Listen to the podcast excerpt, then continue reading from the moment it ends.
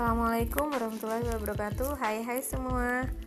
Selamat siang. Hari ini uh, Saya mau review tentang Tibun Nabawi ya. Tanda-tanda yang uh, apa Tanda-tanda tubuh kita asam itu apa saja.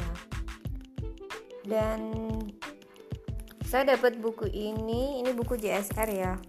Dulu saya sempat jualan buku JSR ini banyak banget tapi saya sendiri belum punya waktu itu dan alhamdulillah saya dapat gratis nih hadiah dari Sigma bukunya Dr. Zaidul Akbar sebelum saya ke tanda-tanda tubuh kita asam itu saya mau review tentang daging kambing ternyata daging kambing itu merupakan salah satu hewan uh, ternyata kambing itu merupakan salah satu hewan yang dagingnya itu paling digemari oleh Rasulullah Shallallahu Alaihi Wasallam.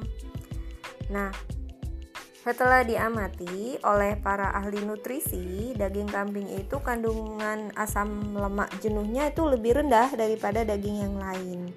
Daging kambing sifatnya lebih hangat atau panas daripada daging ayam, daging sapi, begitu juga susunya. Susunya juga bagus ya, susu kambing. Nah, susu kambing ini sifatnya lebih basah daripada susu yang lain, tapi tetap tidak mengungguli ASI ya, air susu ibu. Daging kambing itu lebih sehat daripada daging lainnya dan lebih banyak penyakit yang disebabkan oleh daging ayam dan sapi daripada daging kambing. Cuma kita kadang jarang ya nemukan maksudnya di uh, toko sayur atau di abang-abang sayur itu kan hampir uh, jarang kalau saya sih nemuin daging kambing ini atau mungkin karena saya jarang belanja. Uh, hasil analisis menunjukkan bahwa daging kambing memiliki lemak 50% lebih rendah dibandingkan dengan daging sapi dan 40% lebih rendah dibandingkan dengan daging domba. Beda ya, domba. Domba itu uh, baunya lebih tajam daripada daripada uh, daging kambing. Uh, akan tetapi rasanya tetap enak itu daging domba. Maka dari itu, kita sebenarnya tidak perlu takut memakan daging kambing karena daging itu ternyata lebih menyehatkan daripada jenis daging lainnya. Makanya kalau kita makan nasi bukhori gitu ya, nasi mandi itu kebanyakan orang Arab tuh pakai daging kambing ya, memang enak gitu kan. Uh, teman-teman, di sini ada uh, 100 dari 100 gram daging kambing itu terdapat 154 kalori, 9,2 mg lemak dan 3,6 mg eh, lemak jenuh. Sementara itu, pada 100 gram daging sapi terdapat 207 kalori. Wow. Dan 14 mg lemak dan 51 mg lemak jenuh lebih tinggi ya daging sapi. Walaupun demikian, tetap saja kita tidak dianjurkan terlalu banyak atau terlalu sering makan daging. Alasannya, manusia normal itu memiliki 32 gigi. Terdiri atas 28 gigi seri dan geraham. 4 gigi taring. Jadi, gigi seri dan geraham kalau dipresentasikan dengan gigi taring adalah 85% dan 15%. Ya, di sini info sehatnya e, imbangilah daging yang kita makan dengan 2 sampai 3 porsi sayuran. Jadi kalau kita makan daging harus juga makan sayuran juga ya. Harus seimbang. Apa makna presentase itu? Seri dan Geraham berfungsi untuk mengunyah, mencampur, dan mengolah produk nabati. Nabati ini biasanya sayuran dan sejenisnya ya.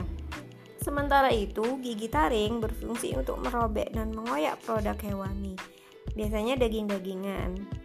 Jadi, cara terbaik agar umur sel manusia tetap bertahan lama adalah dengan mengurangi makan daging. Nah, di sini terlalu banyak makan daging akan membuat tubuh kita menjadi asam. Perhatikan tanda-tanda tubuh kita asam itu apa saja. Yang pertama adalah mulut bau, keringatnya bau, kencingnya bau, badannya bau, kepala berketombe, sering berketombe gitu ya. Kemudian fesesnya bau, mudah marah, mudah terkena jamur seperti kudis, panu, dan lainnya. Kemudian sering mengantuk. Itu ya, tanda-tanda tubuh kita asam. Asam adalah kondisi ketika pH berada di bawah angka 7. Normalnya pH tubuh manusia sekitar 7,4.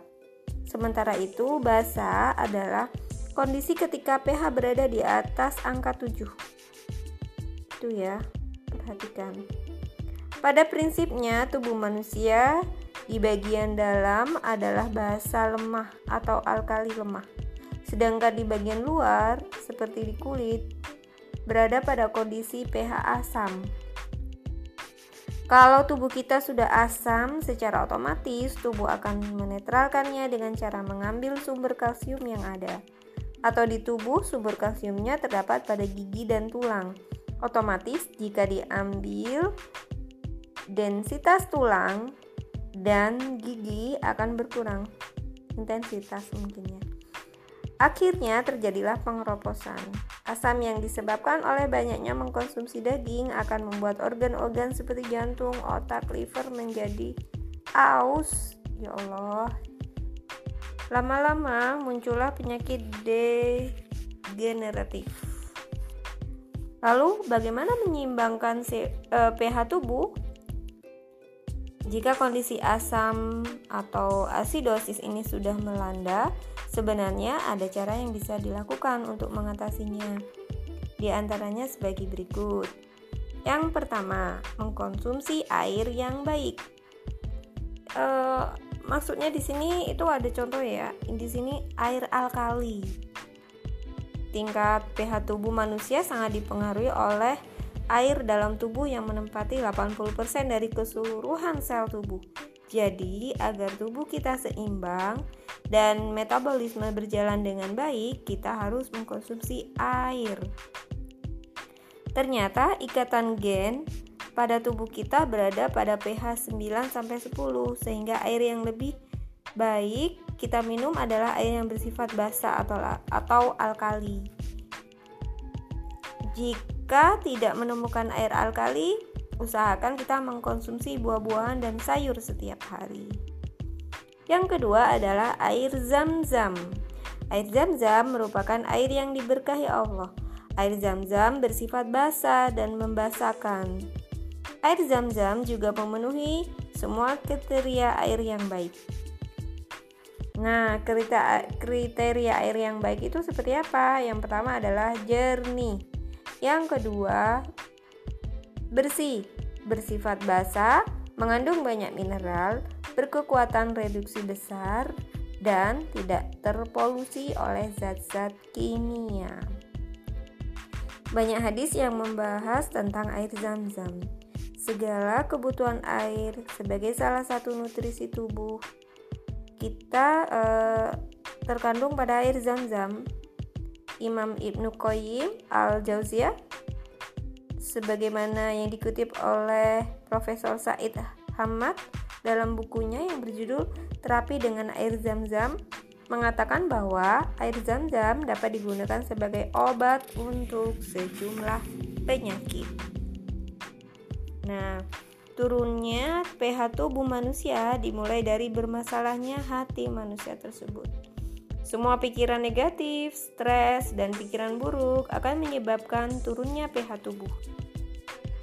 Insinyur Yahya Hamzah Khosik dalam bukunya Air Zam-Zam melakukan analisis kimiawi melalui Badan Riset Haji King Abdul Aziz University terkait kandungan air zam-zam. Hasilnya menunjukkan bahwa Air zam-zam memiliki kandungan kalsium, magnesium, dan zat-zat mineral lain dengan konsentrasi tinggi.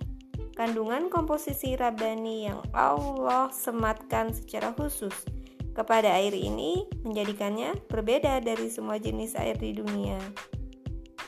uh, beberapa sabda Rasul ya tentang air zam-zam uh, khairu ma'in ala wajahil ardi ma'u zam-zam Air terbaik di seluruh muka bumi adalah air zam-zam. Hadis riwayat At-Tabrani. Kemudian ada juga hadis riwayat Bukhari.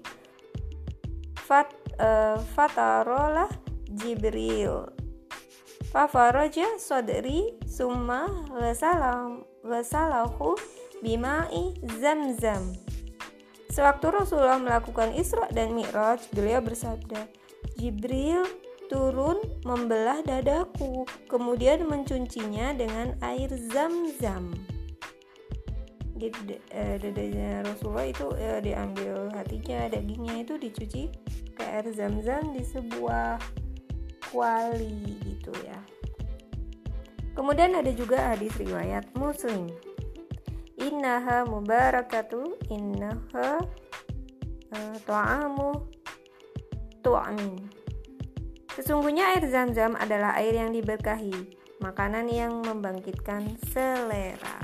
Itu ya tentang pH eh, pH tubuh gitu ya. Makanya kita harus hati-hati makan, jangan terlalu banyak makan daging. Itu saja Tibun Nabawi hari ini. Assalamualaikum warahmatullahi wabarakatuh.